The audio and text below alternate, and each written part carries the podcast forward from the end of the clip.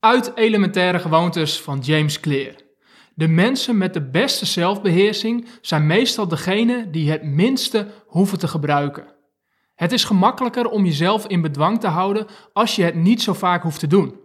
Dus ja, doorzettingsvermogen en wilskracht zijn belangrijk voor succes, maar deze eigenschappen verbeter je niet door te wensen dat je gedisciplineerder bent, maar door een gedisciplineerde omgeving te creëren. In plaats van een nieuwe hoeveelheid wilskracht op te roepen als je het juiste wilt doen, kun je je energie beter besteden aan het optimaliseren van je omgeving. Dit is het geheim van zelfbeheersing.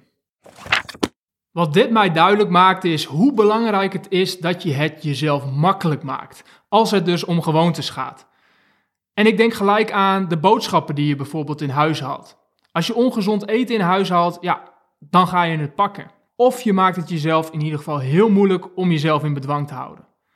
Maar als je het niet haalt, hoef je er dus ook veel minder moeite voor te doen om niet ongezond te eten.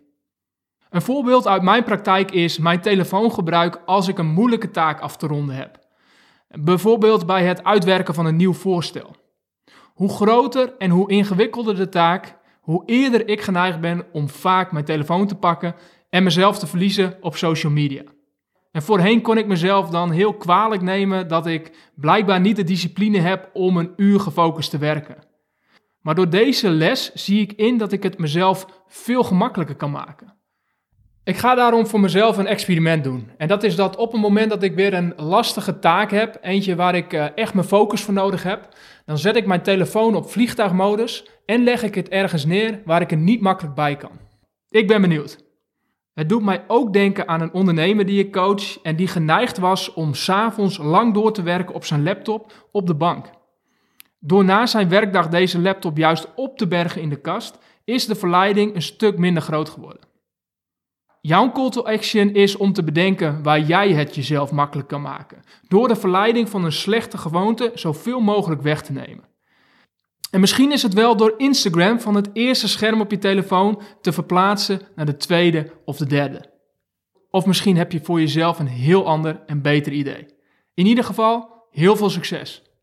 Tot slot, mijn naam is Geert Hidding en ik maak deze podcast met de intentie om zoveel mogelijk mensen te bereiken en te inspireren om waardevolle boeken in de praktijk te brengen en te groeien in persoonlijk leiderschap. Als deze podcast jou iets van waarde heeft gegeven, dan wil ik je vragen om je hierop te abonneren. En om deze te delen met één iemand anders uit jouw omgeving. Dankjewel en tot de volgende keer.